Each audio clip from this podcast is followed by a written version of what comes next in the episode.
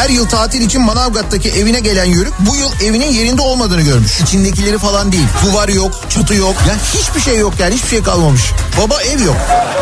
Samsun Büyükşehir Belediyesi'nin Mali Hizmetler Daire Başkanı makam odasındaki kasanın içinden 135 bin euro, 36 bin lira, bir tanesi 1 kilogramlık külçe olmak üzere yaklaşık 5 kilogram altın, 13 adet çeyrek altın, 75 tam altın, 50 yarım altın, 1059 tane çeyrek altın. Kendisi dahil 8 farklı kişi adına çeşitli bankalara ait 23 adet hesap cüzdanı, 40'a yakın gayrimenkul tapusu.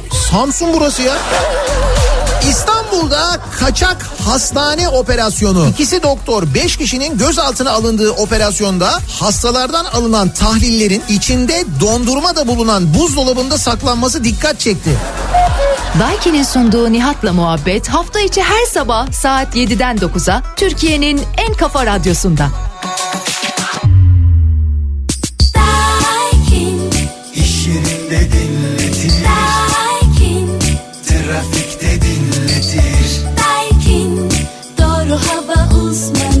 Daiki'nin sunduğu Nihat'la muhabbet başlıyor. Zülüf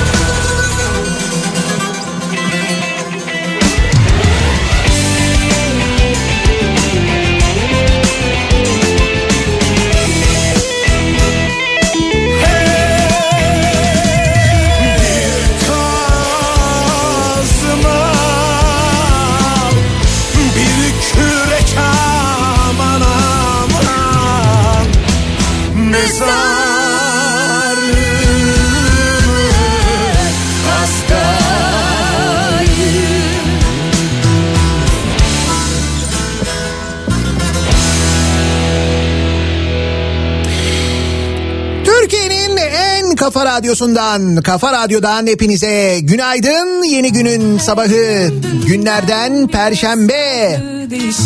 Tarih 29 Nisan 2021. Susamaz kalbim birazcık haklı göremiyor. Uzun bir kapanmanın sabahındayız. Bu akşam 19 itibariyle başlayacak ve bayram sonrasına kadar devam edecek. Bakış Bir kapanma durumu söz konusu malum. Buna bağlı olarak acayip bir nüfus hareketi yaşanıyor dünden beri. Tabii dün gece 7'den itibaren yasak vardı. Saat 5'te bitti. Dolayısıyla 5 itibariyle hatta biraz da böyle daha erken e, hareket edip ya ne olacak canım saat 4'te çıkalım kimse bir şey demez falan diye 4'ten yola çıkanlar ve seyahatlerine korkma duyul 3000 liralık ya da 3200 liralık ceza ile başlayanlar. Bilmiyorum şu anda yolda bizi dinliyorlar mı? Ama dediğim gibi çok erkenden itibaren yola çıkanlar an itibariyle İstanbul çıkışında mesela İzmit yönünde acayip bir trafikle karşılaşıyorlar.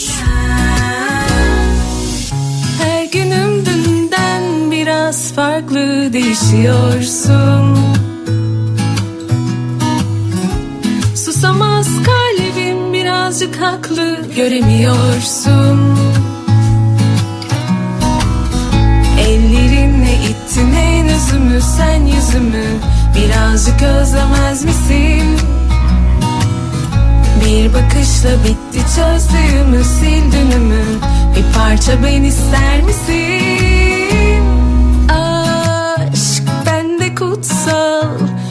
Dokun Bin ömrümü al. Sesim çıkmaz Korkma duyulmaz bize yakışmaz. Gel dünyama namını sal. Aşk bende kutsal bir dokun Bin ömrümü al. Sesim çıkmaz Korkma duyulmaz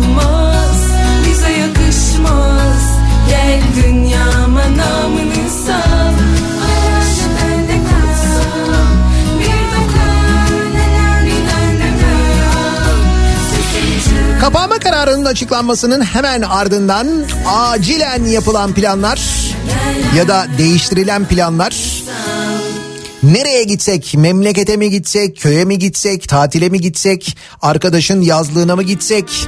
Düşünceleri sonra birdenbire e, misal uçak bileti almaya kalkıldığında insanın gözünü fal taşı gibi açan rakamları görmek. Mesela e,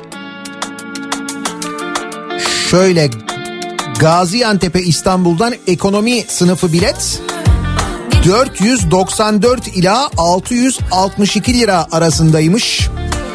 Trabzon'da 494 lira ile 813 lira arasındaymış uçak bileti. Tek yön bu arada bu. İstanbul Gaziantep 662 lira. İstanbul Trabzon 813 lira. İç hatlarda business biletler de 745 ila 1760 lira arasında satılıyormuş.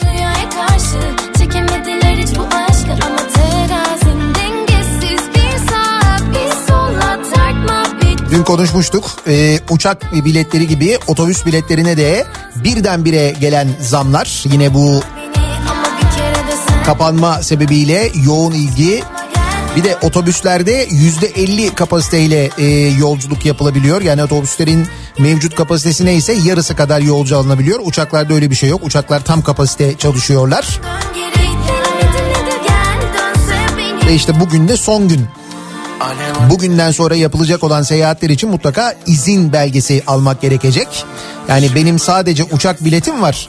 O uçak biletim izin belgesi yerine geçiyor durumu bu sefer söz konusu değil yani. Öyle olmasın istedim bize değmesin nazar sustum İçlenir zaman Bir de böyle yavaş yavaş işte detaylar belli oluyor. Silüetin göremem bir şey senin için Misal alışveriş merkezleri ne olacak? Alışveriş merkezleri kapalı olacak. Alışveriş merkezlerindeki tüm mağazalar bu 17 günlük kapanma süresince kapalı. Sadece eğer alışveriş merkezinin içinde bir zincir market varsa o zincir market şubelerinin açık olacağını biliyoruz. Kalmadı hiç canım Bugün gör belki geç olacak yarın kendi yer yarım Kendimi kaybederim. Bulduğum yer olsun yanım. De sen gel gör beni ama bir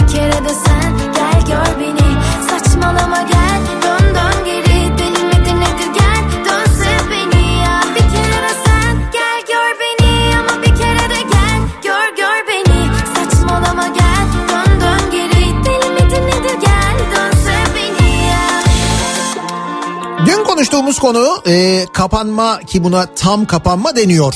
Öyle tam kapanma olmadığını çok net bir şekilde gördük. Nitekim sendikalardan gelen bilgiler de o yönde 16 milyondan fazla çalışan işçi e, işe gitmeye devam ediyor bir kere. Üretim e, işte üretim yapan yerler, imalathaneler çalışacak dendiği için onlar muaf dendiği için böyle bir durum var. Dolayısıyla öyle bir aslına bakarsanız tam kapanma değil kapanmamsı bir durum diyebileceğimiz bir kıvam var maalesef. Misal bankalarda e, çalışıyorlar. Türkiye Bankalar Birliği bankaların tam kapanma döneminde 10-16 saatleri arasında makul sayıda personelle çalışmaya devam edeceğini bildirmiş.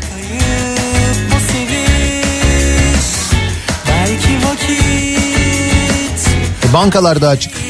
Fabrikalar çalışıyorlar, imalathaneler çalışıyorlar. 16 milyon işçi çalışıyor. Ne oldu? Kapandık.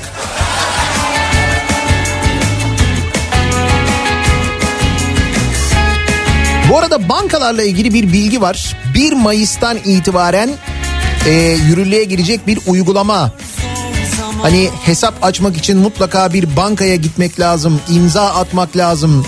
E şimdi pandemi döneminde bankaya gidilir mi? Kapıda o kuyrukta beklenir mi? İçeri girilir mi? İşte bütün bunların e, önüne geçebilecek bir uygulama. Bankaların uzaktan kimlik tespiti yaparak mobil cihazlar ve bilgisayarlar aracılığıyla müşteri kabul edebileceği açıklanmış ki bu sistem 1 Mayıs itibariyle yürürlüğe giriyor. Yani bankaya hiç gitmeden artık hesap bile e, açabileceksiniz. Bütün işlemleri o doğrulamayı yaptıktan sonra zaten uzaktan hemen hemen bütün işlemler yapılabiliyordu da. Online kimlik tespiti düzenlemesi de aynı zamanda 1 Nisan'da zaten resmi gazetede yayınlanmıştı. 1 Mayıs'tan itibaren de bu uygulama yürürlüğe giriyor. Bundan sonra böyle bir e, kolaylık da olacak haberiniz olsun 1 Mayıs'tan itibaren. Düşler belirir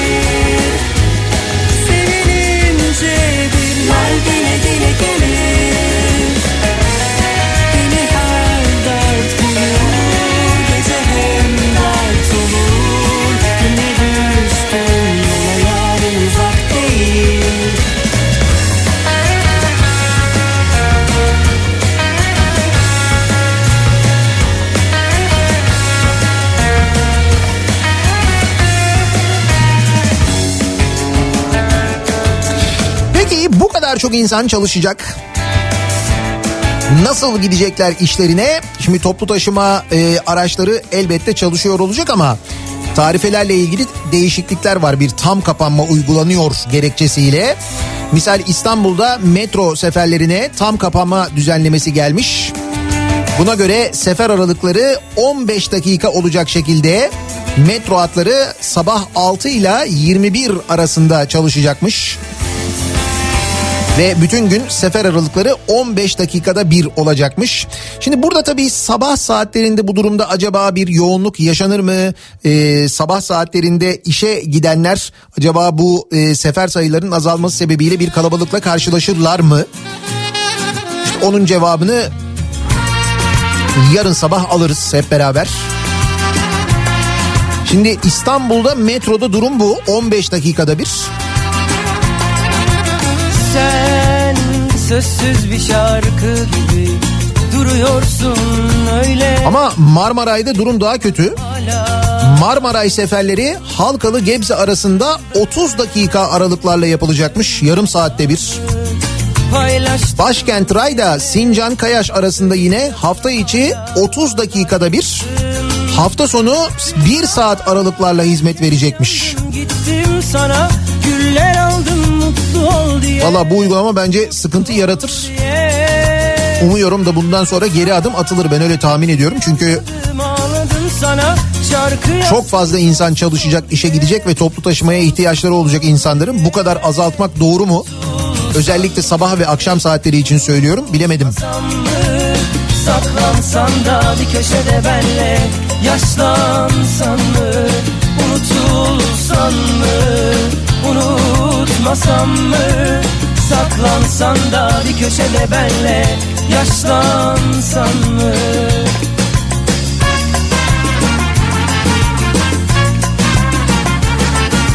Fotoğraflar, videolar geliyor. Burası neresi? Bursa, İstanbul, İzmir otobanı, İzmir istikameti. Oo kalabalığa bak. Of of. Evet İzmir yönü fena. Bursa geçişi şu anda burası. Benim gördüğüm dinleyicimiz video çekmiş göndermiş.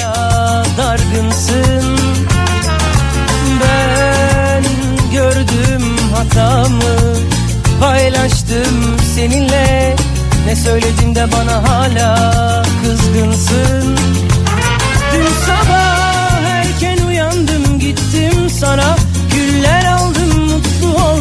Şehirler arası otobüsler %50 kapasiteyle değil tam dolu olarak çalışıyorlar. Şu anda yolda Giresun'a gidiyorum. Lebalep dolu otobüs. Ayrıca mola yerleri iğne atsan yere düşmezdi dün akşam. Öyle mi? Acaba 29'undan sonraki yolculuklar için mi? Ha, herhalde öyle olsa gerek. Yani bugünden sonra bu akşam saat 7'den sonraki yolculuklarda %50 olacak demek ki. Unutmasam mı Saklansan da bir köşede benle Yaşlansan mı Dün sabah erken uyandım gittim sana Esnafız, ayakkabı mağazamız var. Bütün umudumuzu bayrama bağlamıştık ama o da hüsran oldu. Yasak var ama dediğiniz gibi esnaf hariç her yer çalışıyor.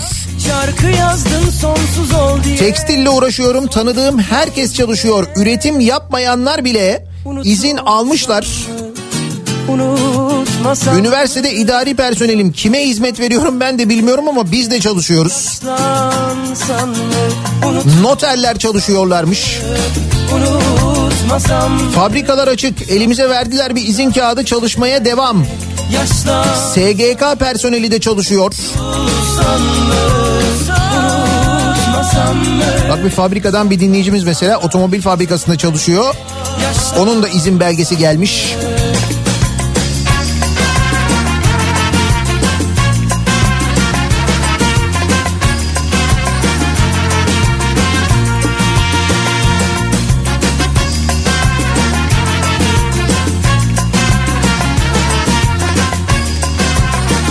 O yüzden tam kapanma deyince hep böyle bir gülesi geliyor insanın. Peki nasıl bir trafik var acaba? Hemen dönelim sabah trafiğinin durumuna. Şöyle bir bakalım göz atalım.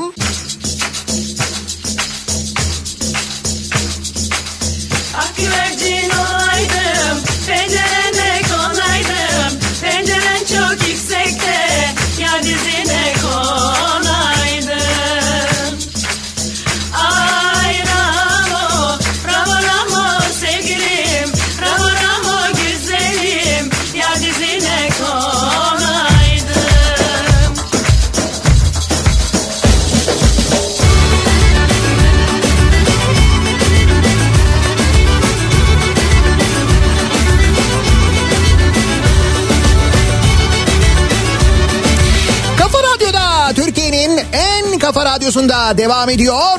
Daiki'nin sunduğu Nihat'la muhabbet. Ben Nihat Sırdar'la. Aşık oldum 29 Nisan Perşembe gününün sabahındayız. 7.30 oldu saat. birden gözüme Annem sakın 18 günlük kapanmanın hemen öncesindeyiz. Bu akşam 7'den itibaren başlıyor. Tam kapanma özellikle demiyorum. vay Çünkü tam kapanmıyoruz çok net bir şekilde ortada o kadar çok mesaj geliyor ki nereye kapanıyoruz biz çalışıyoruz diye. Her tapa- tam kapanma dediğimde haksızlık etmişim gibi geliyor.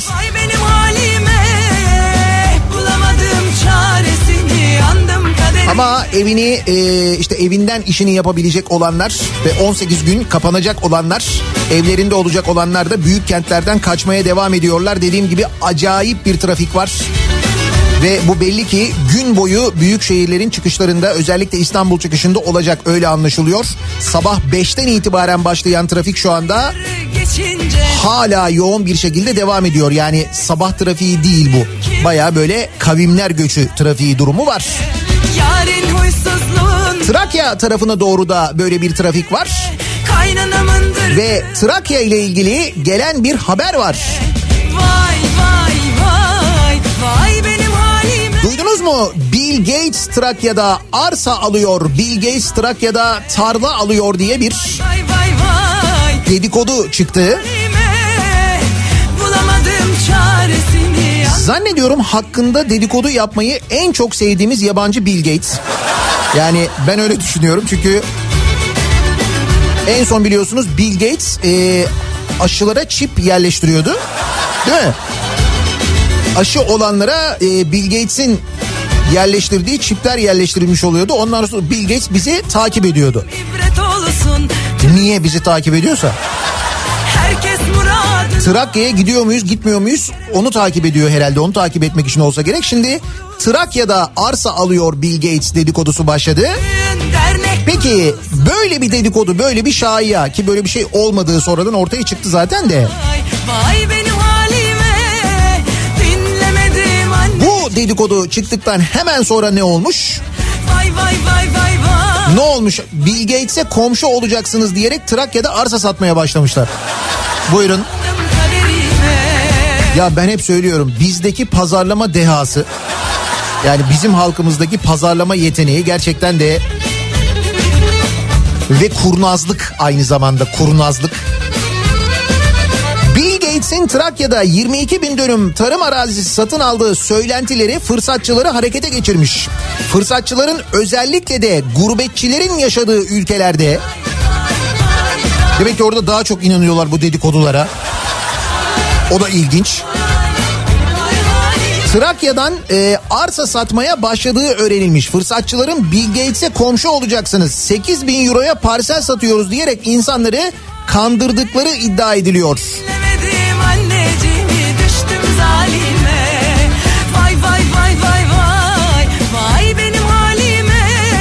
Edirne, Tekirdağ ve Kırklareli'nde yapılan araştırmalarda tapu kayıtlarında Gates ya da Bill ve Melinda Gates Vakfı adına bir arazi kaydına rastlanılmamış. Ama dedikodular üzerine harekete geçen bazı kişilerin özellikle de gurbetçilerin yoğun olarak yaşadığı Avrupa'da Trakya'dan parsel satmaya başladığı ileri sürülmüş. Bulamadım çaresini yandım kaderime Niye özellikle e, gurbette yaşayan Almanya'da yaşayanlar hedefleniyor acaba? Daha kolay kanıyorlar falan diye mi düşünülüyor? Daha kolay kanıyorlar, daha çabuk kandırabiliyoruz falan gibi. Yani öyle bir potansiyel mi var acaba? Kombassan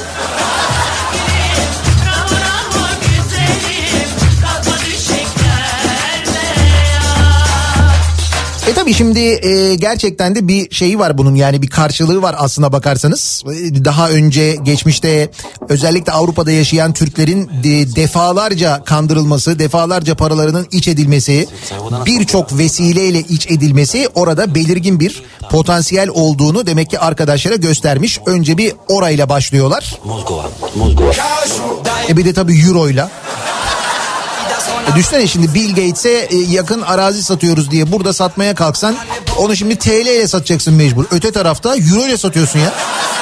Euro yani. Kažu na Jamajci ganđu prodaju na kilo Nemoj vode vruć kod nas toplu ubija Igrali smo dobro ali zajebo nas sudija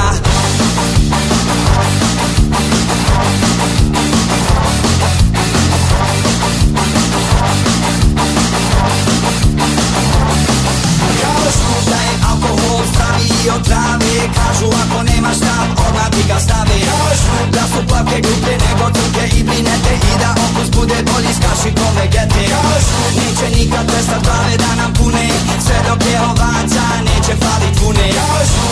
Su nam gacie zagryźli smo ulice Glave nam u pjesku nezaštićene guzice. Kažu da je smak svijeta relativno blizu I da su nas banke. Peki şimdi kapanma kapanma kapanma diyoruz. dvije godine İşte sokağa çıkanlara, izinsiz çıkanlara şöyle müsamaha gösterilmeyecek, şehirler arası yolculuk yapılmayacak falan deniyoruz. Peki bu da şu manaya geliyor. Özellikle garantili geçiş yapılan ve geçmesek de parasını ödediğimiz o köprülerden, o tünellerden neredeyse hiç geçmeyeceğiz değil mi? Peki bu dönem için mesela bu 18 gün için onlara para ödeyecek miyiz? Şimdi benim aklıma o geldi. Ödeyeceğiz. Neyse en azından şundan kurtarmış oluyoruz ee, bu arkadaşları. Ee, şimdi otoyollar ve gelende otoyollar ve köprüler devletin işlettiği otoyollar ve köprüler bayramlarda ücretsiz oluyor ya. Bunlar da ücretli oluyor ya. Şimdi normalde e, köprüler ve otoyollar bayram boyunca geçiş ücretsizdir diye dijital levhalarda yazılar oluyordu. Bu e, özel sektörün işlettiği e, işlettiği köprüler ve otoyolların girişlerinde ise tam tersi yazıyor. Bayram boyunca geçişler ücretlidir. Şimdi en azından o bilgilendirmeyi yapmak zorunda kalmayacak arkadaşlar. Ama biz ödemeye devam ediyoruz.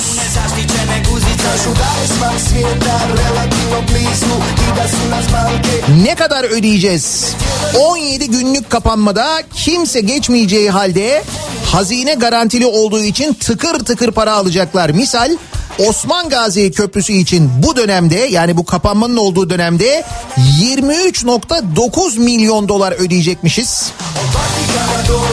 Yavuz Sultan Selim Köprüsü için 6.8 milyon dolar. Avrasya Tüneli için 4.7 milyon dolar ödeyecekmişiz. Nasıl? Ama emekliye 1100. O da 100 lira zamlı. Bak. 2017'den beri ilk kez zam görüyor. 2017'den beri 1000 lira. 2017'den beri düşünün fiyatların nasıl arttığını, nereye geldiğimizi yıl 2021 zam ne kadar 100 lira. Bir de bir de dalga geçer gibi diyorlar ki enflasyon oranını da arttırdık. Öyle yani. Gerçekten de 2017'den 2021'e kadar o kadar arttı. 1000 liradan 1100 yani.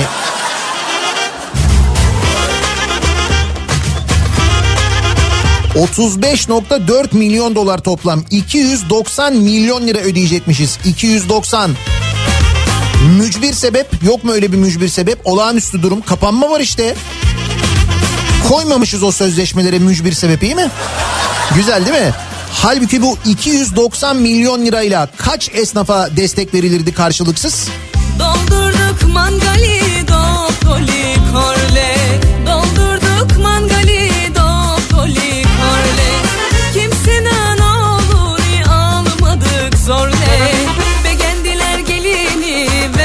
Genel soru bu. Ne yiyeceğiz, ne içeceğiz diye soruyor insanlar. Çalışamayanlar, dükkanlarını, işlerini kapatmak zorunda olanlar, gündelik çalışanlar.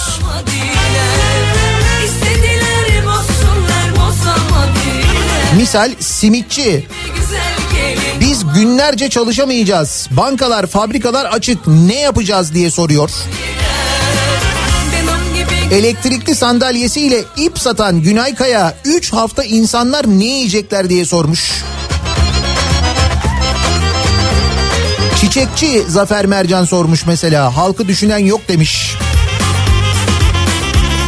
250 milyon lirayı da biz bu arkadaşlara geçmediğimiz halde ödüyoruz ama değil mi? Ne kadar güzel bir sistemmiş değil mi bu kamu özel işbirliği sistemi? İyi yani. Biz niye kapanıyoruz? Çünkü vaka sayılarında acayip bir artış var. Ondan dolayı kapanıyoruz. Bunu biliyoruz. E, bu vaka sayılarını azaltmak derdimiz ki neden azaltmanın derdindeyiz? Turizm sezonu geliyor çünkü. Yani Avrupa açılırken ki Avrupa'da bir bir ülkelerdeki kısıtlamalar kalkıyor. Kafeler açılıyor, barlar açılıyor. Oradan sürekli böyle haberler geliyor. Neden? Çünkü çok hızlı bir şekilde aşılama yapabiliyorlar. Peki biz yapabiliyor muyuz aşılama? Hayır yapamıyoruz. Neden? Çünkü dün Sağlık Bakanı'nın açıklamasından öğrenmiştik, konuşmuştuk hatırlayacaksınız. Türkiye'nin elinde 8 milyon doz aşı kaldı demişti e, Sağlık Bakanı. Ta en başta Çin aşısı 100 milyon sipariş verdik. Ekstra 50 de opsiyonumuz var falan diye konuşurken uzmanlar ne diyorlardı? Tek bir aşı olmaz. Bakın birçok aşı var. Birçok aşı adayı var. Şimdiden bunların hepsiyle oturup anlaşma yapmamız lazım. Aşıyı çeşitlendirmemiz lazım. Birinin tedariğinde yani tek bir aşıya bağlı kalırsak eğer onda tedarikte aksama olursa o zaman büyük sıkıntı yaşarız. Ama birçok firmayla anlaşma yaparsak o zaman bu sıkıntıyı yaşamayız diyorlardı uzmanlar. Bunu söyleyen uzmanlara ya da meslek örgütlerine örneğin Türk Tabipler Birliği'ne demediklerini bırakmamışlardı. Sonuç işte sonucu söyleyeyim size. Dün Sağlık Bakanı'nın açıklamaları. Bir kere İstanbul'da 5 kişide Hindistan varyantının görülmesi ki bu kötü haber. Ama BioNTech'te ikinci doz aşı randevuları ertelendi mesela. Bunu biliyor musunuz? BioNTech aşısı olduysanız ilk dozu ikinci dozu e, olamıyorsunuz şu anda. Çünkü aşı yok. İki doz arasındaki sürenin 6 ila 8 hafta olarak uygulanmasına karar verilmiştir demiş. Nitekim ilk dozu olanlara mesajlar gitmiş bile dinleyicilerimizden mesajlar geliyor. Ertelenmiş bu e, aşı randevuları. Diyor ki Sağlık Bakanı aşı tedariği bunu dün söylüyor bu arada. Dün tarih ne? Çünkü tarih özellikle önemli. Çünkü birazdan size bakanın açıklamalarını ta en başından itibaren aşı ile ilgili söylediklerini hatırlatacağım. Tarih 28 Nisan dün yaptığı açıklama diyor ki Sağlık Bakanı aşı tedariği önümüzdeki iki ay için güçleşiyor. Ancak sonrasında aşı bolluğu yaşanması bekleniyor. Balkanlar üzerinden gelecek herhalde. Aşı bolluğu. Aşı üreticisi sayısı her geçen gün artmaktadır. Hayır aşı üreticisi sayısı zaten çoktu. Aşıları üreteceklerini, ürettiklerini, bu aşılar üzerine çalıştıklarını söylüyorlardı. Biz gidip onlarla anlaşamadık. Doğrusu bu. Üretilen aşıların üretim kapasiteleri de artıyor. Bildiğimiz gibi ülkemizde iki aşı kullanıma girdi. Sadece iki. Üçüncü olaraksa Sputnik 5 aşısının acil kullanım onayı için son aşamaya gelindi ve aşı tedariği için bir anlaşmada yapıldı. O aşıyı Türkiye'de üretecek olan firmanın sahibinin AKP'li olduğunu dün konuşmuştuk, öğrenmiştik hatırlayacaksınız. Peki bu Rus aşısı ki bu arada Rus aşısını mesela Brezilya kabul etmemiş. O aşının e, etkinliğiyle ilgili de bir ayrı tartışma var. O bilimsel bir tartışma. Türkiye Sputnik aşısından 6 ay içinde 50 milyon doz almak üzere anlaşmayı imzalamış. İlk sevkiyat Mayıs ayı içinde gerçekleşecek demiş. Bakan. Şimdi bakanın dün yaptığı açıklama bu. Peki şimdi gelelim bu aşı ile ilgili bugüne kadar neler söylediğine bakanın. Sağlık ve Sosyal Hizmet Emekçileri Sendikası Ankara Şubesi Sağlık Bakanı Fahrettin Koca'nın aşı ile ilgili açıklamalarını kronolojik sırayla paylaşmış sevgili dinleyiciler. Şimdi ben en başından itibaren size okuyayım. Belki biraz uzun sürecek ama bundan sonra e, aşı ile ilgili açıklamaları, bundan sonra Sağlık Bakanı'nın açıklamalarını ne kadar ciddiye alırsınız şunları duyduktan sonra.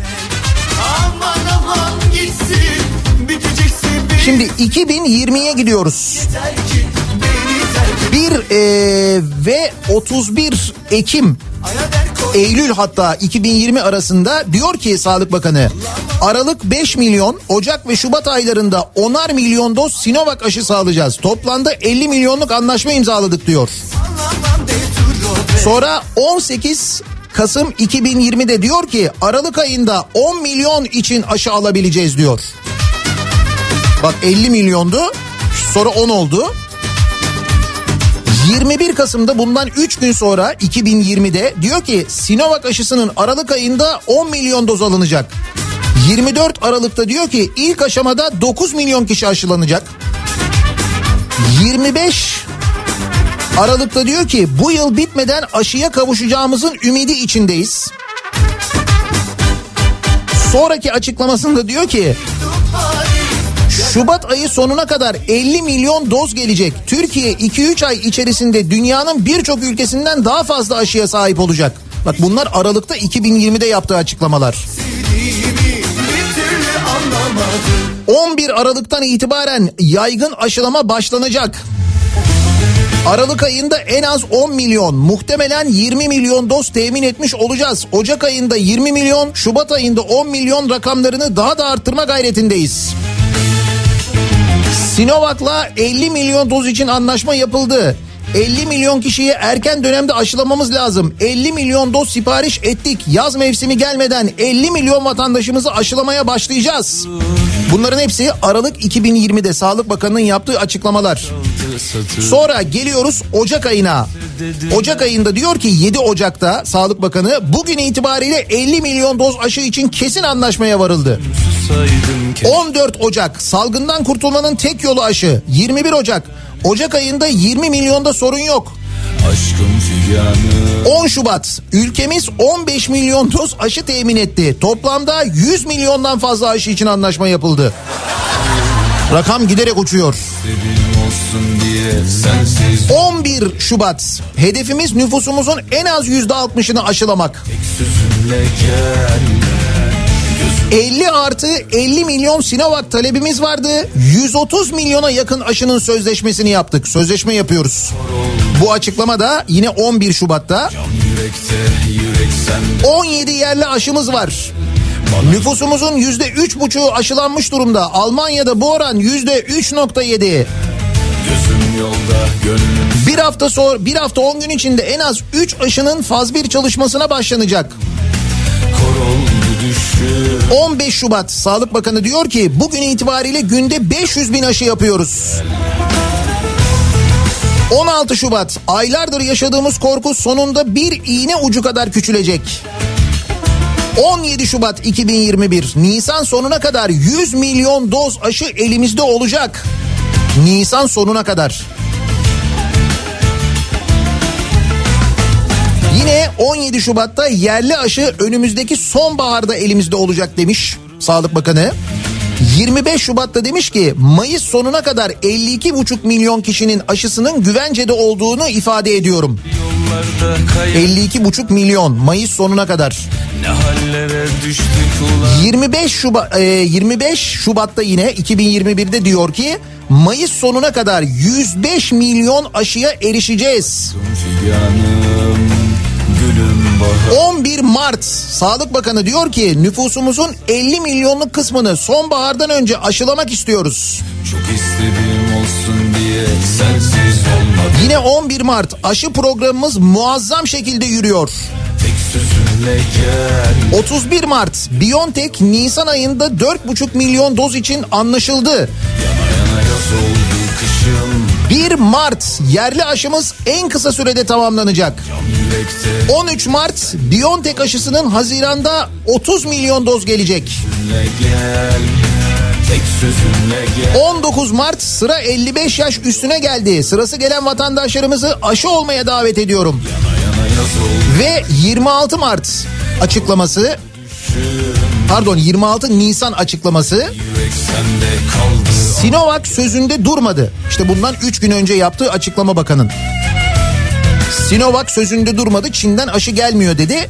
En son dünkü açıklamada 8 milyon aşı kaldı elimizde açıklaması. Bu nedenle BioNTech'teki aşı aralığı uzatıldı. Nasıl mücadele? Süper.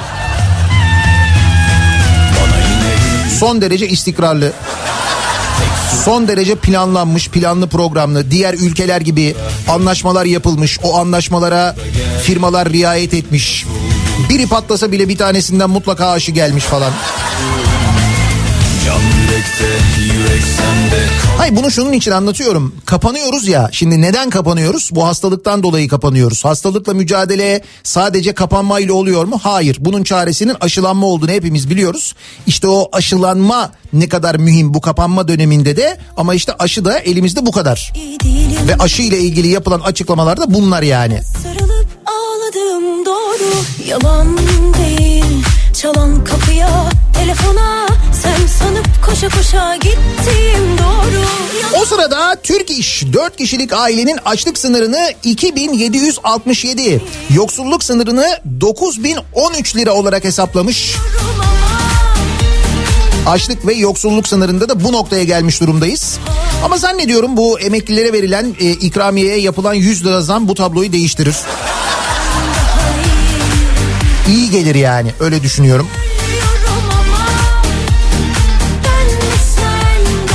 Şimdi diyorum ya e, kapanma tam kapanma değil o belli. Ama kapanan çalışamayacak olan esnaflar var. Ve bu esnafa bir destek önergesi verilmiş Türkiye Büyük Millet Meclisi'nde. Yani kapanan 17 gün 18 gün neyse o günler boyunca hiç çalışamayacak olan gündelik kazanca bağlı olan insanlara bir yardımda bulunulsun diye İyi Parti Isparta Milletvekili Aylin Cesur tarafından pandemi e, kısıtlamaları nedeniyle ekonomik zorluk çeken esnafa destek ödemesi verilmesi ve sabit ödemelerin yeniden düzenlenmesi amacıyla meclis başkanlığına sunulan önerge AKP ve MHP'nin oylarıyla reddedilmiş dün Türkiye Büyük Millet Meclisi'nde sevgili dinleyiciler. Ama garanti ödemeler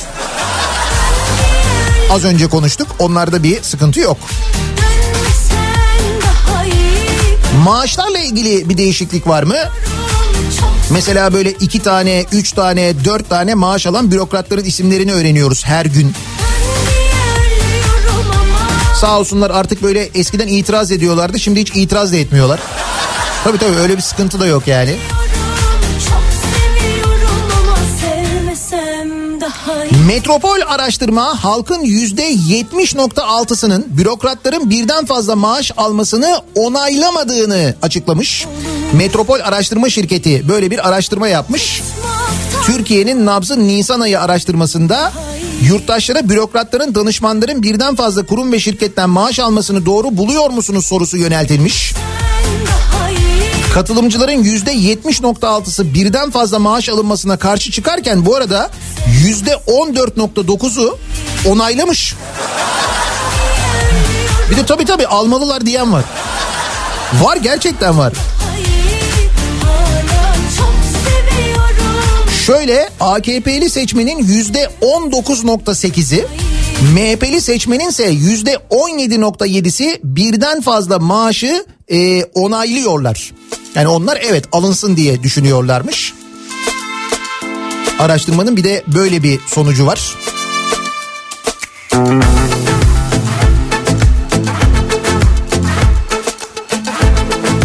Bir de tabii fikrim yokçular var böyle bir yüzde on dört kadar.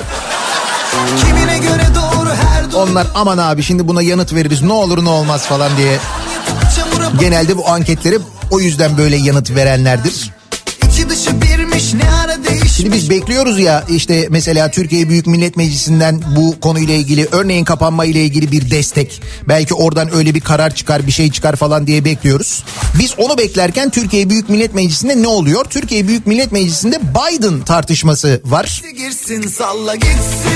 Şimdi e, Joe Biden'ın Ermeni soykırımı ifadesi var ya. Bakınız bu Ermeni soykırımı ifadesini kimin yüzünden kullanmış biliyor musunuz? CHP. Buyurun o da patladı. AKP'li Emin Akbaşoğlu Amerika Başkanı Joe Biden'ın Ermeni soykırımı ifadesi için muhalefeti suçladı. Muhalefet Türkiye'nin yumuşak karnı haline gelmemiş olsaydı Biden böyle bir karar almaya cesaret edemezdi. Muhalefetin tavrı Biden'ı cesaretlendirmiştir demiş. Biden muhalefet yüzünden e, soykırım demiş. Şaka değil ha ciddi söylüyorum. AKP grup başkan vekili e, bu arkadaş. Bu açıklamayı yapan arkadaş. Türkiye Büyük Millet Meclisi'nde bir de bunu böyle bağıra bağıra söylüyor. Hatta şunu da söylüyor AKP Grup Başkan Vekili Muhammed Emin Akbaşoğlu. Diyor ki Biden telefon etmek zorunda kaldı diyor. Cumhurbaşkanımız kimseden telefon beklemez. Sayın Biden telefon etmek zorunda kaldı. Alt aradı, kendisi aradı, alttan almaya çalışan bir dille konuştu diyor. Ya ne haber? Biden aramak zorunda kalmış. Ya. Soykırım ifadesini muhalefete bağlayan arkadaş söylüyor bunu. Muhalefet yüzünden kullandı diyen arkadaş söylüyor bunu yani. Olur böyle şeyler aşkın salla gitsin. Biden'ın yerine koysanıza kendinizi. Bu kadar böyle zorunda olmak, zorunda kalmak yani Ne kadar e, acı bir duygu değil mi? Ne kadar kötü bir duygu yani. Sayın Başkan artık aramanız lazım. Ya ben aramasam. Yok yok zorundayız aramamız lazım yani. Peki sizin yapmak zorunda kaldığınız bir şeyler var mı bugünlerde acaba sevgili dinleyiciler? Bak mesela Biden arama yapmak zorunda kalmış. Biden telefon etmek zorunda kalmış yani. Sizin böyle ben de şunu yapmak zorunda kaldım dediğiniz bir şeyler var mı acaba diye bu sabah dinleyicilerimize soruyoruz. Biz de zorunda kaldım olsun bu sabahın konusunun başlığı.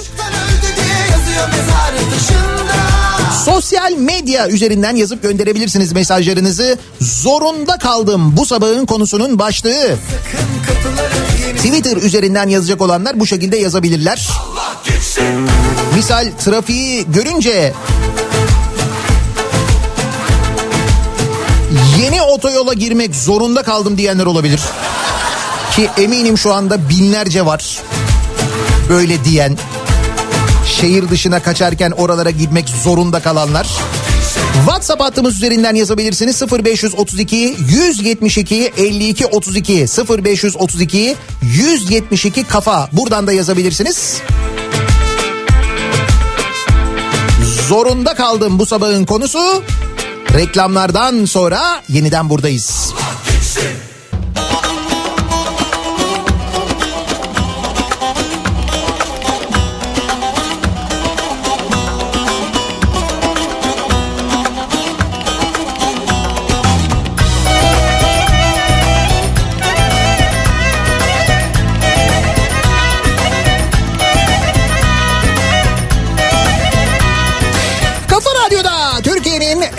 Kafa radyosunda devam ediyor. Daiki'nin sunduğu Nihat'la muhabbet. Ben Nihat. Yağlara, Tabancamı yağlara Ben bir öksüz oluyan Gençliğime yanarım Amanın minnoş minnoş Yaktın beni minnoş Amanın minnoş minnoş Yaktın beni minnoş Aman minnoş minnoş Yaktın beni minnoş Amanın Yaktın beni minnoş Zorunda kaldım bu sabahın konusunun başlığı. Amerika Başkanı Biden telefon etmek zorunda kalmış Türkiye'ye. AKP Grup Başkan Vekilinin böyle bir iddiası var. Sizin zorunda kaldığınız, yapmak zorunda kaldığınız bir şey var mı acaba diye soruyoruz bu aralar. Beni bu kötü günlerimde Bırakıp gitti beni Amanın minnoş minnoş Yaktın beni minnoş Aman minnoş minnoş Yaktın beni minnoş Amanın minnoş minnoş Yaktın beni minnoş Aman minnoş minnoş Yaktın beni minnoş Şarkı ne alaka zorunda kalmakla diyebilirsiniz. Siyasette bir minnoş tartışması var biliyorsunuz. Dün Meral Akşener'in sözleriyle başlayan. Ama bu minnoş güzel bir e, kelimedir aslında. Çok da e, Türkiye'de çok da şarkıda geçer. Benim de çok sevdiğim şarkılardan bir tanesidir bu minnoş. Amanın minnoş, minnoş.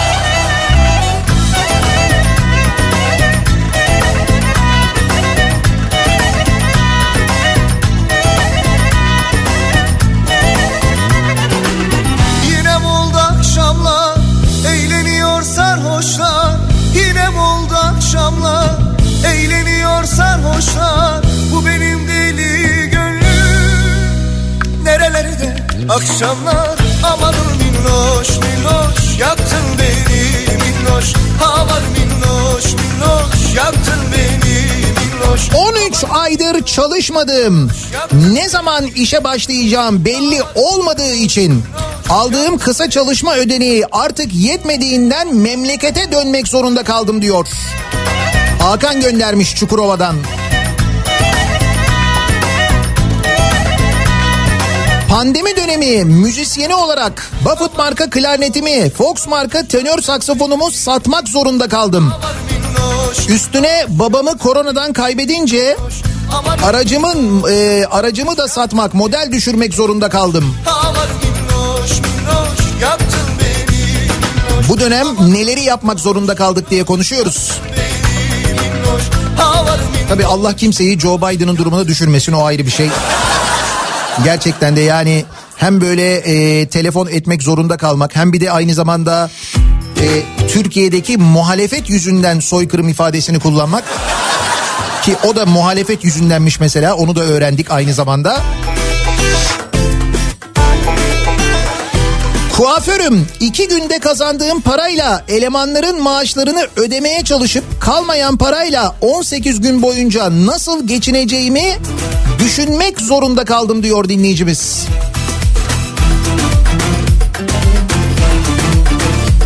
Bir de tabii şimdi kuaförler, berberler de kapalı olacak biliyorsunuz bu 18 gün boyunca. Dolayısıyla bayram tıraşı falan filan öyle bir şey yok. Kuralı tanımam Beni bilen iyi bilir kolay yorulmam Başka ülkelerde insanlar neler yaşamak zorunda kalıyorlar. Allah'tan bizde böyle şeyler olmuyor. Hangi ülkeler oralar? Nikaragua. Nikaragua Devlet Başkanı Ortega'nın aile saadeti. Karısı yardımcısı. 8 çocuğu da danışmanıymış Nikaragua Devlet Başkanı'nın. Lan ne ülkeler var ya. Vay vay vay. İnsan hakikaten görünce insan gerçekten hayret ediyor yani. azıcık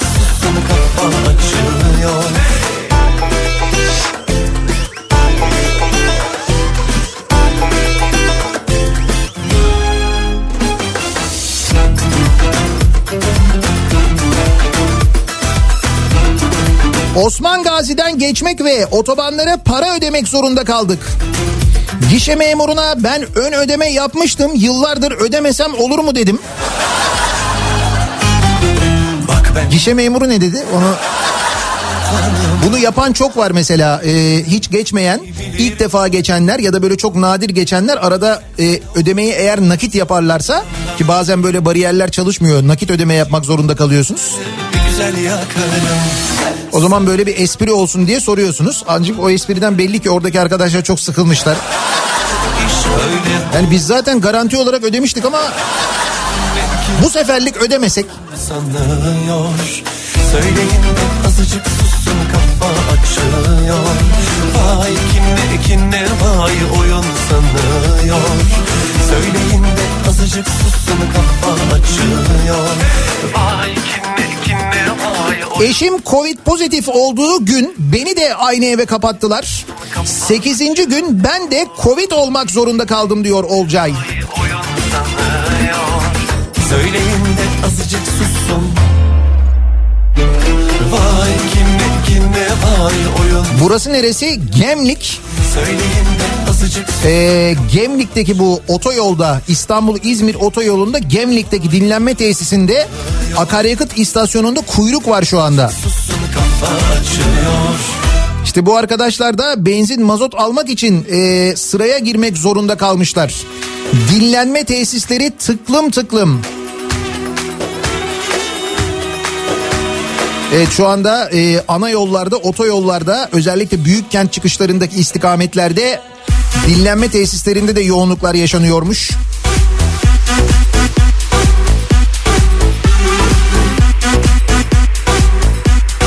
Ben değil ama babam küçük esnaf. Kapanma yüzünden kredilerini ödeyemeyecek. Büyük ihtimalle bankalar tarafından mahkemeye verilmek zorunda kalacak. Ne olacak mesela? Şimdi bu 18 günlük kapanma yüzünden esnaf e, hiç çalışamayacak olanlar mesela ya da gelirleri düşecek olanlara bir vergi ötelemesi ya da mesela onların aldığı kredilerle ilgili bir erteleme falan olacak mı? Mesela böyle bir yasa çıkarmayı falan düşünüyorlar mı? Hani geçtim zaten bila bedel yardımda bulunmayı onu geçtim de. Yani geri ödemesiz bir yardımda bulunmayı geçtim. En azından var olan kredilerin ötelenmesi için bir şey yapılacak mı? En azından devlet bankalarında hani bak bir ihtimal belki. Peşrevini çal şarkısı bizden Boşanmış kalp zemberekten Zehrimiz çok engerekten Üç gün önce Samsun'a gittik. Cenazemiz vardı. Tem'deki trafiği görünce Yavuz Sultan Selim Köprüsü'nden geçmek zorunda kaldık. Kuzey Marmara yolu Sultan Gazi Sapağı'ndan Yavuz Sultan Selim Köprüsü'ne kadar 162 lira para verdik. Yani yakıt parasının 2-3 katı daha fazla vermek zorunda kaldık. Aramıza hoş geldiniz. Aslında zaten bunu ödüyordunuz da geçmeden ödüyordunuz. Şimdi geçerek ödemiş oldunuz. Bir de öyle düşünün. Ama siz iki kere ödemiş oldunuz. Böyle bir gerçek de var. böldülerse Çal şarkıcı, çal kemancı Kaç makamla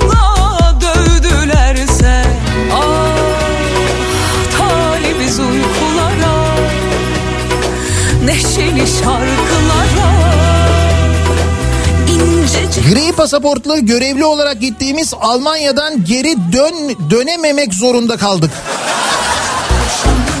Kaldık dediğinize göre kaç kişisiniz? Baya- Kalabalıksınız. Nereden gittiniz? Bursa'dan, Bingöl'den. Daha çok Bingöl'den gidilmiş ya. Belediye eliyle insan kaçakçılığı diye ilk duyulduğunda ben espri yapmıştım. Meğer gerçekmiş. Hakikaten belediyeler bayağı bu işin ticaretini yapmışlar.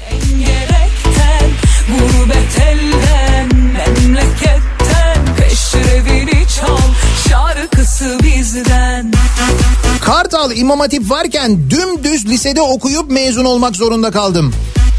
Oxford mezunu olsam öyle bir kariyer şansım olmazdı doğru. Da okul tercihi.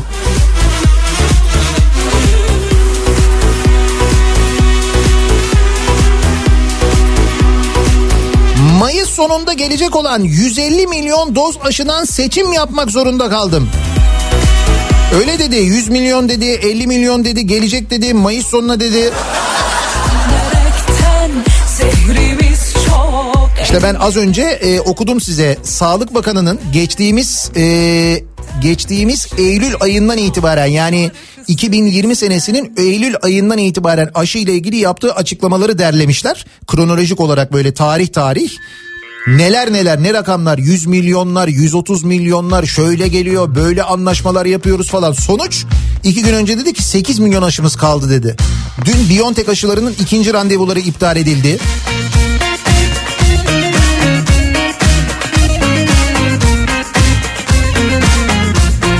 Ödemelerimizi aksatmadan yapmak zorunda kaldık. Tabii siz aksatmayacaksınız ki böyle kiralar ödenecek. Buyurun Deniz Yavuz Yılmaz bir fiyatı daha ortaya çıkarmış. Böyle maaşları falan buluyor ya. Yeni makam araçlarını buluyor. Eti Maden'in genel müdürlük binası için ödediği 2021 yılı aylık kira bedelini e, tespit etmiş bu kez. Ben beni bende Kaynak Meclis Kit Komisyonu tutanağı. ne ne Aylık kira bedeli 584.557 lira artı KDV. Mutluysam bir aşkla bin Aylık kira mı bu? Aylık kira. desin dünya 2012'den beri ödeniyormuş bu para. 2012-2021 arası ödenen kira bedeli de toplam 39 milyon 155 bin 914 lira artı KDV'ymiş. Büyük bir bina herhalde.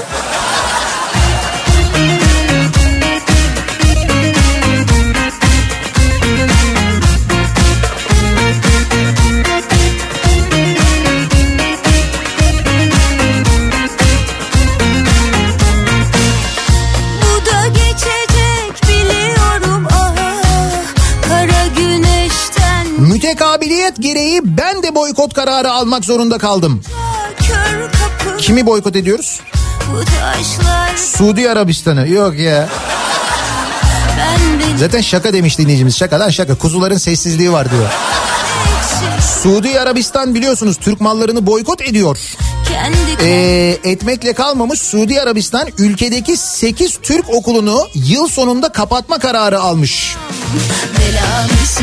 Mekke ve Medine'deki Türk okullarının da aynı uygulamaya tabi tutulacağı anlaşılmış. Biz niye mesela Suudi e, ürünlerini, Suudi şirketlerini, Suudi Arabistan'ı falan bir şekilde boykot etmiyoruz, bir şey demiyoruz? yakandan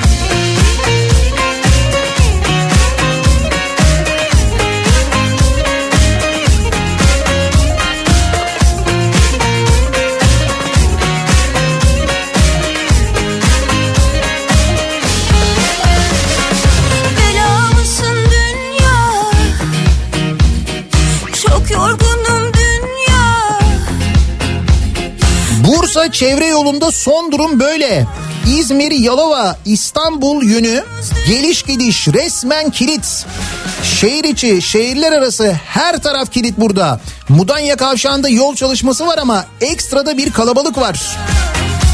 Evet e, İstanbul İzmir yoluna çıkacak olanlar ya parasını bastırırız yeni yoldan gideriz yahu diyenler orada da gidemiyorsunuz. Yani o kadar paraya o kadar ücrete rağmen Bursa geçişinde acayip bir kalabalık var haberiniz olsun.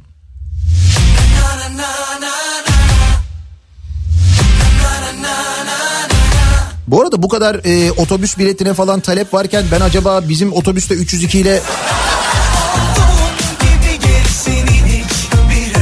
hangi ara yapacağım vakit yok. Bir iki sefer yapsaydım belki. De seni de lakin sende maraza çok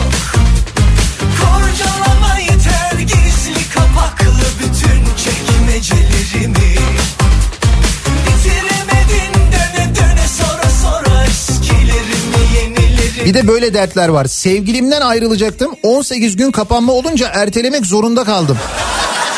Yalnız kalmak zor.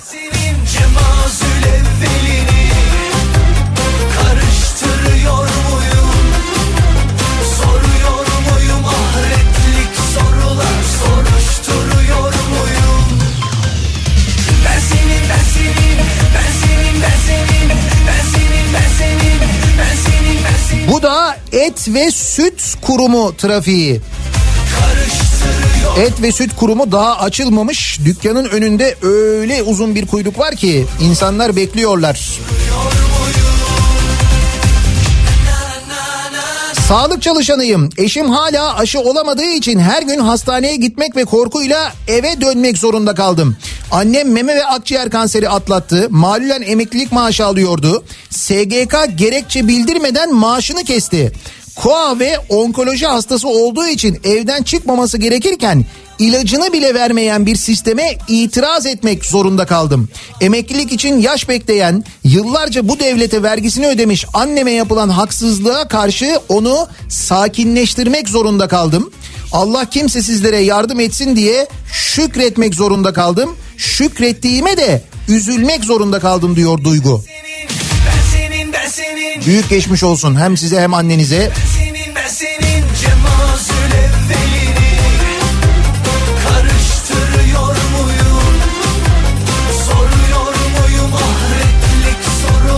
18 günü 5 yıldızlı otelde tatil yaparak geçireceğim için epey yüklü bir ödeme yapmak zorunda kaldım. Şaka şaka sağlık çalışanıyım. Çalışmaya devam etmek zorunda kaldım öyle bir şey yok. 18 gün neymiş ya zaten? 18 gün tatil. Çünkü bir kere oraya girdin mi bir de çıkamıyorsun değil mi? Acı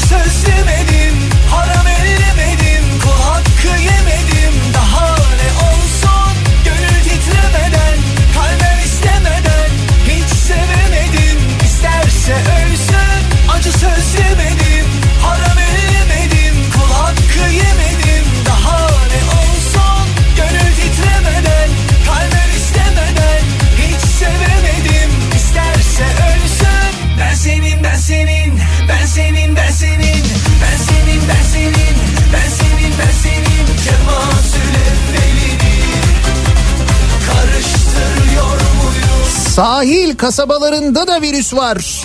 Allah aşkına şöyle söyleyin İstanbullulara gelmesinler artık. Şimdi tabii e, İstanbul vakaların en yüksek olduğu şehirdi değil mi? Böyle bir bilgi var elimizde biliyoruz. Hatta ne demişti bakan en son Türkiye'deki vakaların toplamının yüzde kırkı mı İstanbul'daydı? İşte şimdi o İstanbul'dan akın akın Türkiye'nin dört bir yanına gidiliyor. Bir de böyle bir durum var yayıyoruz yani anlayacağınız.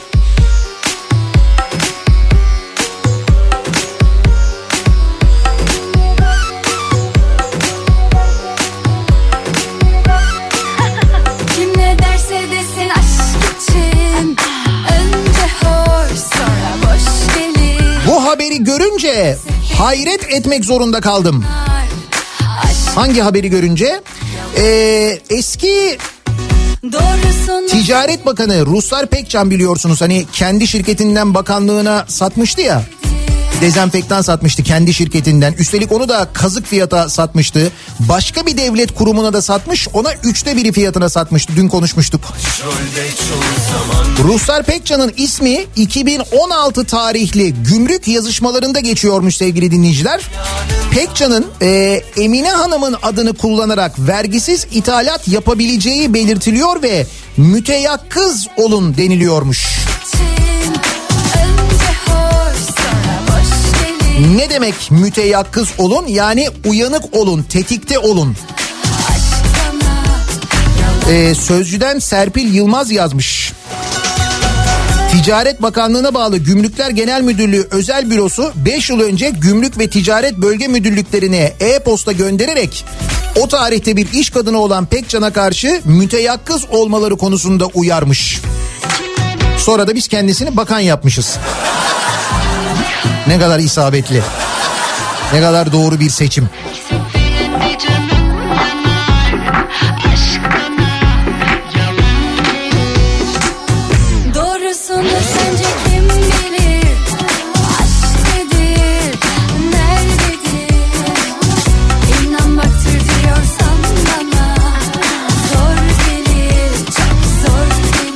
Sonunda tam da bütün maaş suyunu çekmişken kapanma alışverişi yapmak zorunda kaldım.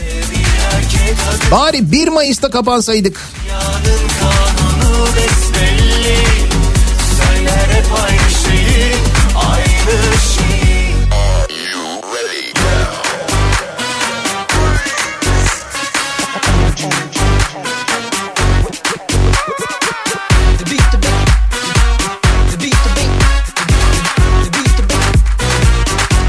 2006 yılında girdiğim profesyonel iş hayatında ilk maaşım olan 1800 dolar karşılığı TL'den 15 yıl tecrübe sonunda 800 dolar maaşa razı olmak zorunda kaldım diyor dinleyicimiz. Tabi dolar bazında baktığınız zaman hakikaten durumun ne kadar vahim olduğunu şuradan da anlıyoruz. Şimdi mesela emeklinin bayram ikramiyesine 100 lira zam geldi biliyorsunuz. 4 yıl sonra 4 yıl önce 1000 liraydı. E, 4 yılın sonunda dediler ki enflasyon oranında zam yapıyoruz. 100 lira zam yaptılar. O da enflasyon oranı da bu arada 85 lira oluyormuş da e, onu 100'e tamamlamışlar. Peki 2018 yılına gidiyoruz. 2018 yılında 1000 lira emekli ikramiyesiyle 214 dolar alınıyormuş mesela. 2019 yılında bu rakam 170 dolara düşmüş 1000 lirayla emekli ikramiyesiyle 2020 yılında 1000 lirayla 146 dolar alınıyormuş. 146'ya düşmüş. 2 senede 214'ten 146'ya düşüyor. 2021'de 1100 lira oluyor emekli ikramiyesi. 1100 lira. Peki kaç dolar alınabiliyor? 133 214'ten 133 dolara. Bir kere Çıkamıyorsun bir tanem Burada fazla kaldın mı Çekiniyorsun aşktan Hı.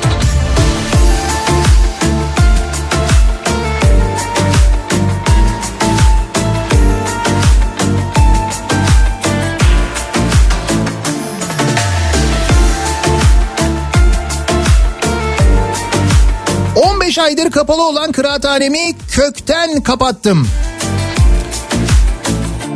Şu anda şoförlük yapmak zorundayım diyor dinleyicimiz. Bozulup söküldüm içime içime. Neler yaşattın? Canımı yaktı çok Yine de üzülme. Olur da derdime düşersen Dönemedim diye merak edersen. Suçlayıp kendini avutma Başa dönüp kendimi savunma. Şimdi e, aşıların ertelenmesiyle ilgili mesajlar geliyor dinleyicilerimizden de. Mesaj şöyle diyor. Bilim kurulumuz mevcut tecrübe ve kanıtlara dayanarak Covid-19 Biontech aşısının birinci doz ve ikinci doz arasındaki sürenin 6 ila 8 haftaya uzatılmasının uygun olduğu yönünde karar almıştır. Bu itibarla yeni randevu planına göre randevunuzu yeniden planlayabilirsiniz diye mesajlar geliyormuş ilk aşısını olanlara. Başa Ve ben 15 ay süresince 3 kez tomografi çektirmek, 6 kez antikor baktırmak, bir yıldır da eşimden ayrı odada yatmak zorunda kaldım diyor doktor dinleyicimiz.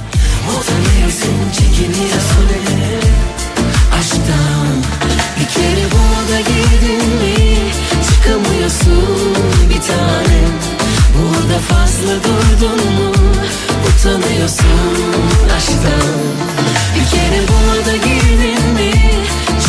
Neleri yapmak zorunda kaldık? Neleri söylemek zorunda kaldık? Acaba birilerini aramak zorunda kaldık mı? Mesela Joe Biden Amerika Başkanı telefon etmek zorunda kalmış. Bunu AKP Grup Başkan Vekili Muhammed Emin Akbaşoğlu diyor. Amerika Başkanı Biden'ın telefon etmek zorunda kaldığını söylemiş. Sizin zorunda kaldım dediğiniz bir şeyler var mı bu aralar? Onu konuşuyoruz. Reklamlardan sonra yeniden buradayız.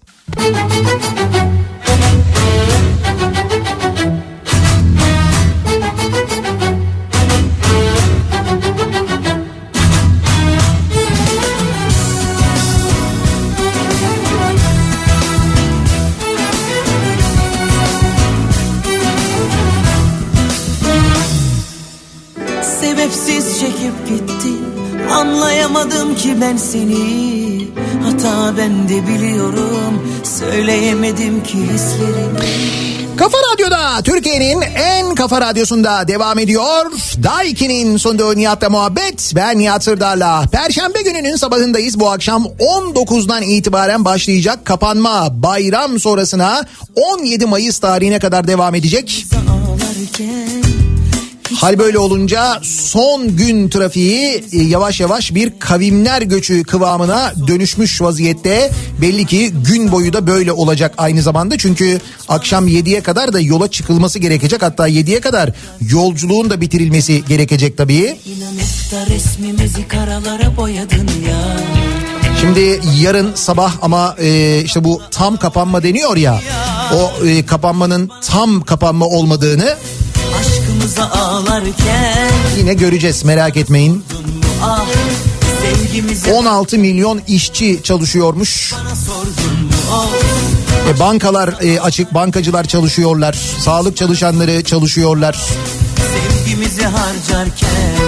Hiç öyle bir tam kapanma durumu olmayacağını biliyoruz.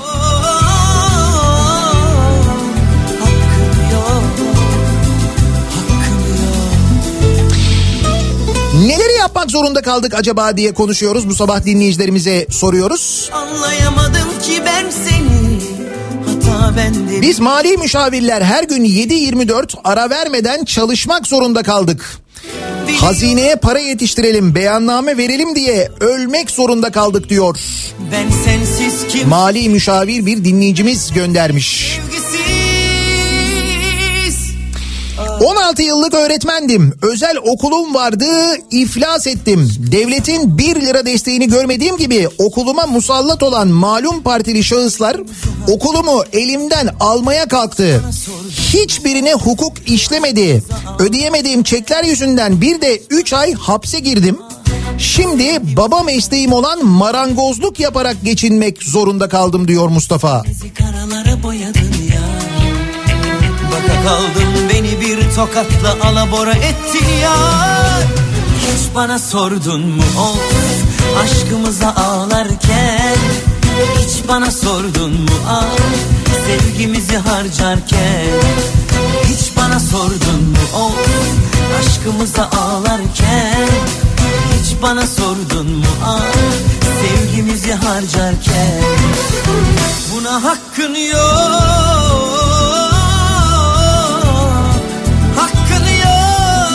Geçmediğimiz köprü, tünel için çuvalla para ödeyeceğiz.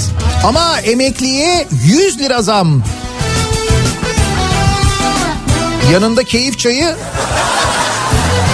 O da sana denk gelirse eğer.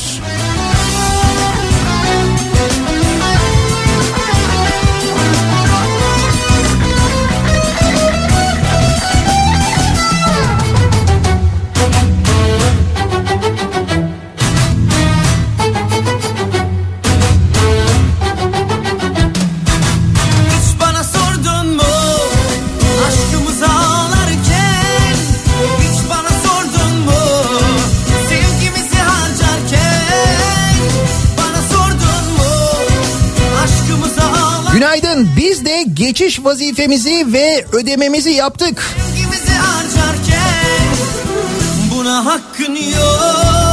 Tabii şimdi bu e, yeni otoyolları kullanmak zorunda kalanlar var.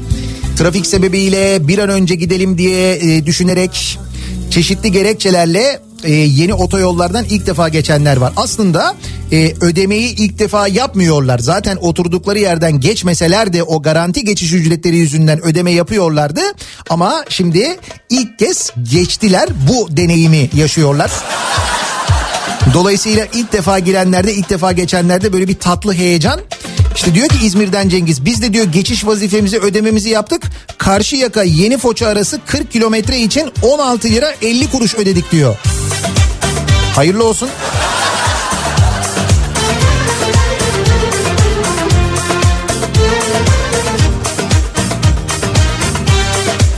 Burası neresi? Pendik sahil yolu kilit. Niye? Feribot yüzünden mi acaba?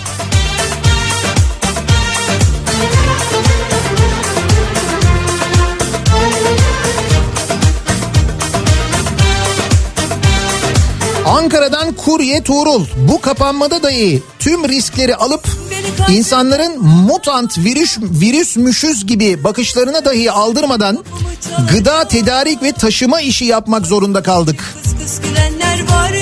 Bir de böyle muamele ediliyor değil mi? Kuryelere.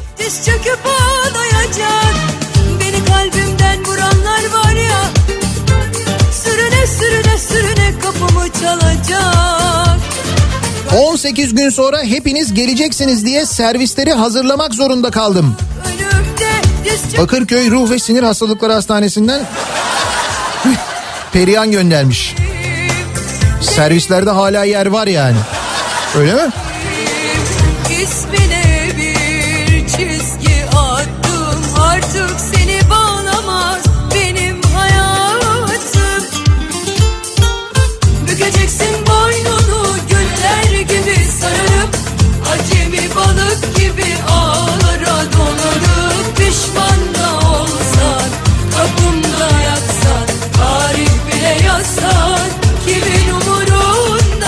Sağlık personeliyim. Üçüncü kez evliliği ertelemek zorunda kaldık.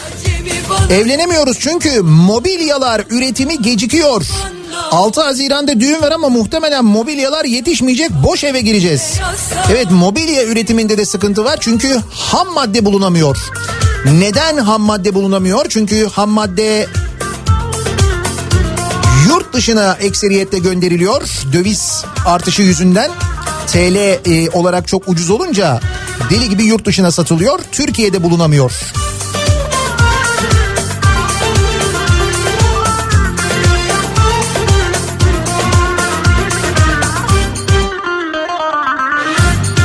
İstanbul-İzmir arasında yolculuk edenler Bursa çevre yoluna girmeden şehir içinden geçsinler.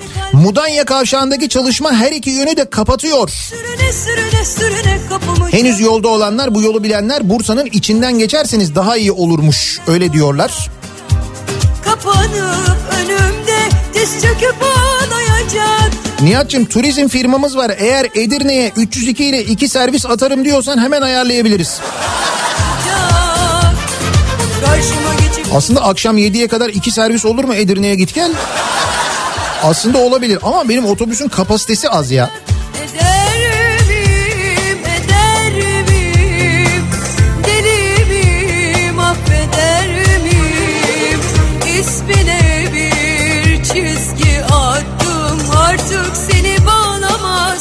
Ataşehir yan yoldan Çamlıca gişeler 45 dakika. Böyle bir trafik yok.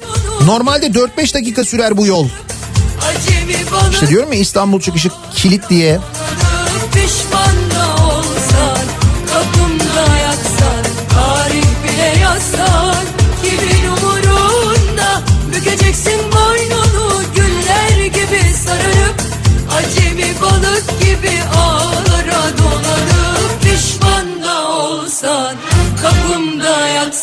Tarih bile yazsan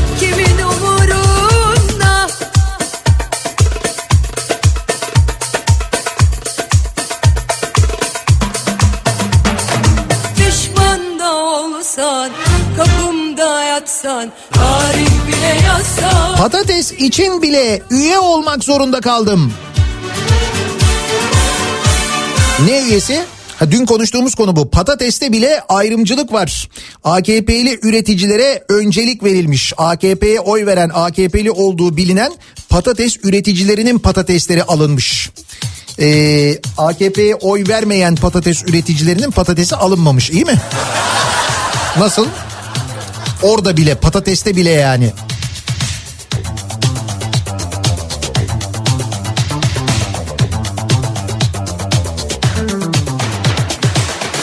Sinir bu ne öfke aman bir telaş. Bir acele herkes birbirini boğacak. Bu gidişle sonumuz ne olacak? Kimi takmış Alaturka'ya Kimi batıdan şikayetçi yine var. Sanki bunda kızacak. Dünya hali Pandemide 16 milyon İstanbullu için 24 saat rahat, konforlu ve de hijyenli ulaşım imkanı için çalışmak zorunda kaldım. Gıcık uzak herkes Zannediyorum belediye otobüs şoförü dinleyicimiz Caner göndermiş. Kimi entellere düşman Kiminden cehalete prim Bu ne manasız didişme kimse Aşıyı bulan Uğur Şahin iki aşı arası 6 haftayı geçmemeli diyor. Ama Fahrettin Koca'dan daha iyi bilecek hali yok herhalde yani. Evet gerçekten de 6 haftayı geçmemesi yani başka bir araştırmada ben 42 gün diye okumuştum. Biontech aşısının ikinci dozunun 42. günde mutlaka yapılması lazım. 42 günü geçerse o zaman ilk aşının koruyuculuğu da gidiyor deniyor. Biz nasıl 6 ila 8 hafta yapıyoruz onu? Sakin ol 8 hafta dediğin 56 gün oluyor. Nasıl olacak? Ama bilim kurulu daha iyi biliyordur herhalde yani.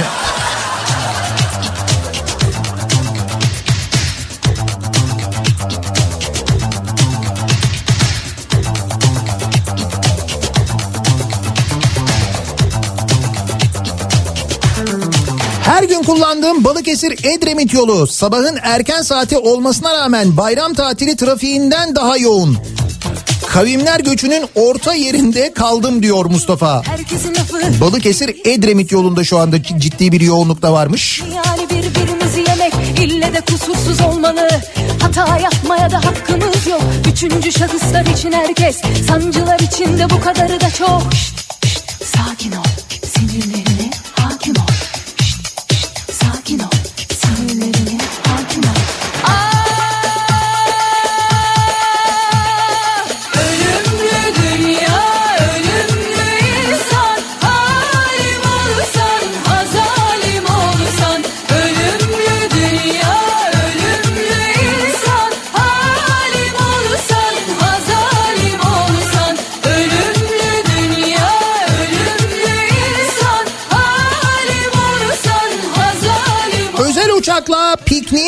gitmek, bir ay üç maaşta idare etmek, havuz medyası dikkate almadı, Instagram'dan istifa etmek zorunda kaldım. Diyor manici muallim göndermiş. Ne zorunluluklar var hayatta ne zorunluluklar. Sizin zorunda kaldığınız yapmak zorunda kaldığınız bir şey var mı acaba diye soruyoruz. Reklamlardan sonra yeniden buradayız.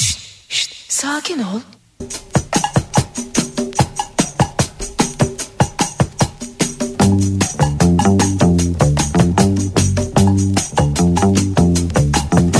Açtım aşk defterimi Hatırladım sevdiklerimi. Her birisi bir başka alemdi Aradım o günlerimi. İlk sevgilim hangisi? Nasıl yaktım bunca ateşi? İnanmazdım görmesem karşımda Aşk tüten bu yüzleri. Kimi ağlattı beni güldürdü. Kimisi hiç sevmedi. Sever göründü. Sever göründü. Açtım aşk defterimi. Canlandı hatıralar. Gülen resimlerin arkasından. Aynı sevgili bakar Türkiye'nin en kafa radyosunda devam ediyor. Daha 2'nin sonunda Nihat'la muhabbet. Ben Nihat Sırdar'la. Perşembe gününün sabahındayız. 9'a yaklaşıyor saat.